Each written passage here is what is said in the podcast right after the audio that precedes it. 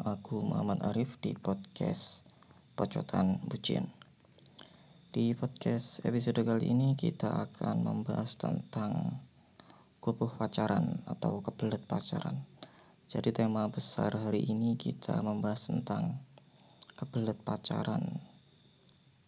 Kebanyakan dari kita pasti udah dewasa ya atau udah berumur di atas 15 tahun lah khususnya pendengarku sendiri ya pendengar di podcast Bacotan Pucin ini rata-rata anak-anak SMA anak-anak kuliahan. Jadi sudah sudah pasti kalian pendengar-pendengar Bacotan Pucin pasti sudah pernah merasakan pacaran ataupun kalian yang masih memutuskan untuk single ataupun jomblo. Kadang nih waktu kita udah pacaran.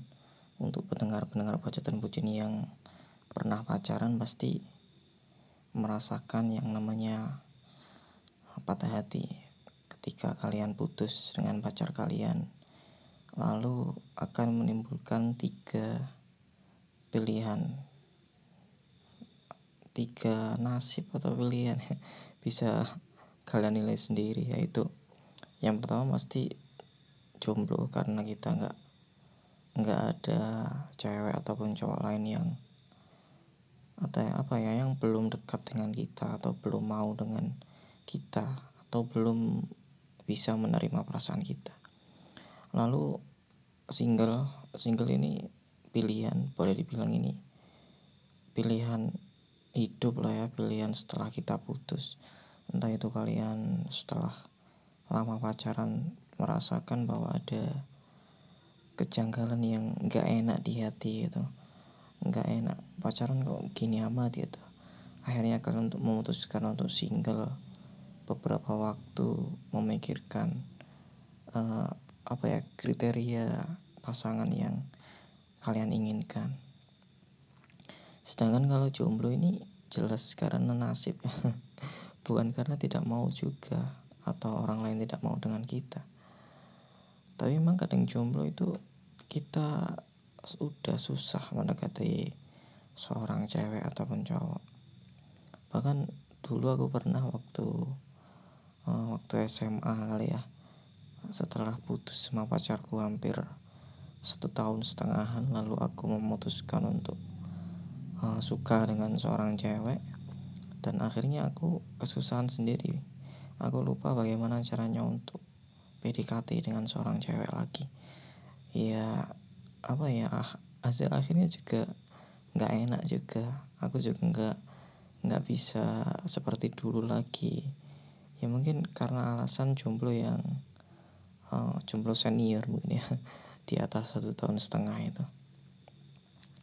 Lalu yang opsi terakhir adalah berpacaran lagi. Setelah putus memang kadang kan cowok khususnya cowok ya cewek juga sih. Setelah putus beberapa hari atau beberapa minggu beberapa bulan satu dua bulan pasti sudah memiliki pacar lagi. Lah ini keputusan atau pilihan yang ketiga pacaran. Jadi pilihannya ada tiga setelah kalian putus setelah kalian merasakan sakit hati yaitu jomblo memutuskan untuk jomblo aja wis. Cari cewek slow aja. Cari cowok slow aja nggak usah tergesa-gesa. Yang kedua adalah single. Kita memutuskan untuk ya udah nggak usah pacaran dulu. Kita meraba-raba orang yang sesuai dengan kriteria kita. Dan yang terakhir adalah pacaran. Pacaran ini jelas orang-orang yang kalau boleh dibilang nggak kuat dengan kesendiriannya mereka yang setelah putus selalu mencari pacar. Belum sempat move on tapi sudah ada pacar. Nah ini adalah contoh orang-orang yang apa ya boleh dibilang nggak bisa sendiri. Harus ada orang lain di sampingnya. Entah itu untuk memperhatikan dia ataupun hanya sekedar teman ngobrol yang asik. Teman ngobrol pribadi istilahnya lah seperti itu kan kadang menimbulkan apa ya kesan pacaran selanjutnya setelah putus itu agak dipaksakan atau kurang kurang natural love itulah istilahnya. Jadi kita nggak 100% mempunyai perasaan dengan orang yang kita putuskan untuk pacaran setelah kita putus dengan pacar kita yang awal itu.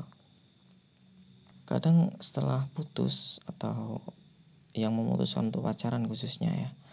Mereka ini dari orang-orang jomblo yang tidak kuat kesepian atau tidak ada orang di sampingnya. Mereka ini tidak kuat. Dan akhirnya mereka mencari orang-orang yang bisa menerima perasaannya, bisa menerima kekurangan dan kelebihannya, dan akhirnya klop dan menjadi pasangan. Di sini aku juga mau menceritakan sebuah studi kasus dari temanku sendiri. Namanya kita samarkan aja ya menjadi Laura. Ini temanku kampus Lauren adalah apa ya orang yang dulu pernah pacaran beberapa kali waktu SMA dan awal-awal kuliah juga dan dia udah diselingkuhi beberapa kali ya.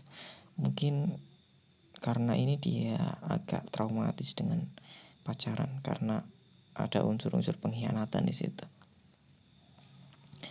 Semester kemarin Laura sempat pacaran dengan seorang anak yang kuliah di Surabaya di kampus ternama Surabaya. Dan apa ya hubungannya memang putus nyambung terus suatu hari Laura tanya ke aku kok aku udah nggak nyaman ya sama si pacarku? Aku harus gimana? Apakah aku harus putus dan mencari lagi atau gimana? Sebenarnya aku udah nggak punya perasaan dengan pacarku itu. Kayaknya ini apa ya dilema dilema yang dirasakan si Laura sehingga dia memutuskan untuk nggak merasakan perasaan lagi.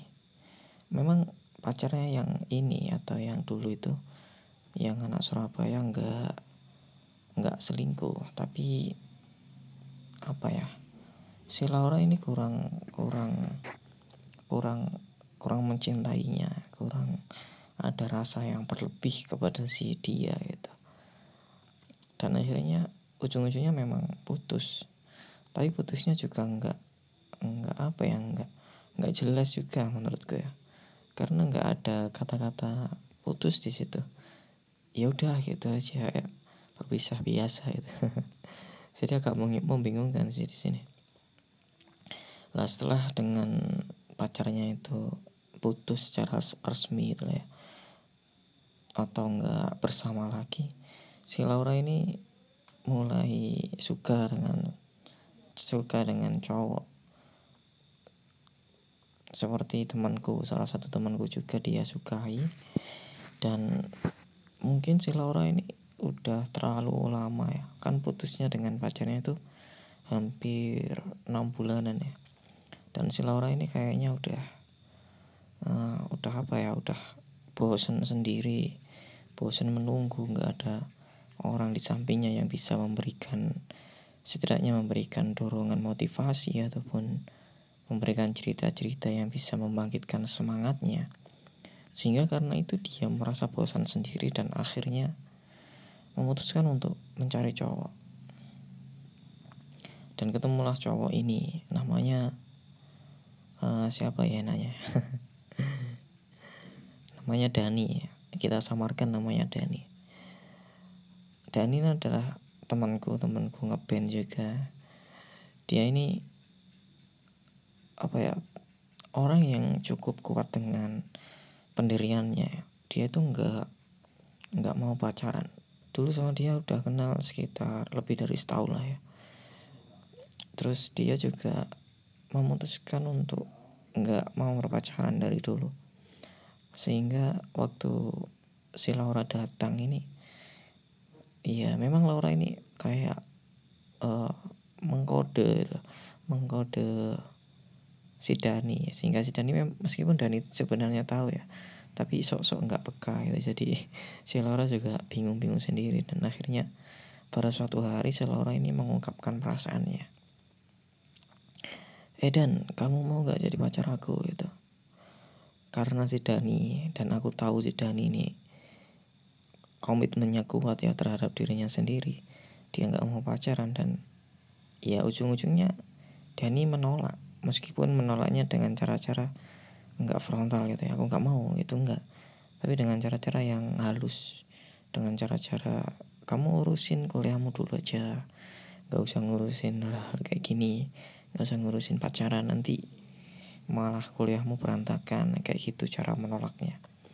Coba halus menurutku dan akhirnya apa yang terjadi kepada Laura? Laura ini uh, malah kayaknya ya nggak berhenti sampai di situ ya dia tuh masih berharap meskipun aku tahu sebenarnya dia tuh capek capek sendiri. Capek nggak ada orang yang di sampingnya khususnya cowok ya sebagai seorang orang yang dicintai gitu. Kalau teman menurutku ada sih salah satunya juga aku sebagai temannya temanku yang lain juga ada. Dari sadikes ini kita dapat meraih atau memperoleh sebuah pelajaran bahwa ketika kita masih belum sanggup untuk sendiri ya sekiranya kita harus mempunyai teman yang asik untuk diajak ngobrol atau asik diajak curhat. Tapi jangan pernah menaruh perasaan pada orang itu ya nggak baik. Nggak enak banget itu kita menaruh perasaan kepada teman sendiri. Dan juga kalau kita ingin pacaran gitu kita harus memikirkan dengan matang apa efek di masa depan dan juga konsekuensinya di masa depan. Dan kita juga patut mencontoh si Dani ya. Dia mempunyai komitmen pada dirinya sendiri dan ya menurut Laura ini nggak jelek ya. Cantik menurutku tapi si Dani ini dengan santainya dan dengan keteguhan hatinya menolak si Laura dengan ya dengan otak yang cukup waras ya. Tapi aku yakin kalau ada cowok lain ya selain Dani aku yakin nggak mungkin ditolak sih. Secara Laura ini cantik pinter juga ya body juga oke. Okay.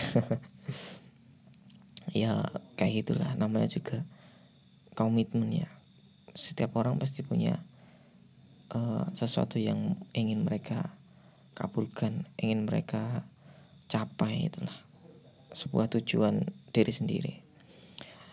Oke bro mungkin podcast episode kali ini cukup sampai di sini. Semoga teman-teman bisa meraih poin yang aku sampaikan, bisa meraih atau memperoleh manfaat dari apa yang aku sampaikan. Untuk teman-teman yang belum follow ataupun uh, langganan podcast Bacotan Bucin bisa dibuka di Apple Podcast ataupun Spotify. Untuk di YouTube-nya juga udah ada teman-teman bisa search Bacotan Bucin. Itu udah ada podcastnya dan untuk teman-teman yang pengen mengirimkan ceritanya bisa uh, mengirimkan vo voice note ataupun rekamannya ke email bacotan bucin di bucinbacotan at gmail.com Yaudah teman-teman ya, sampai jumpa minggu depan.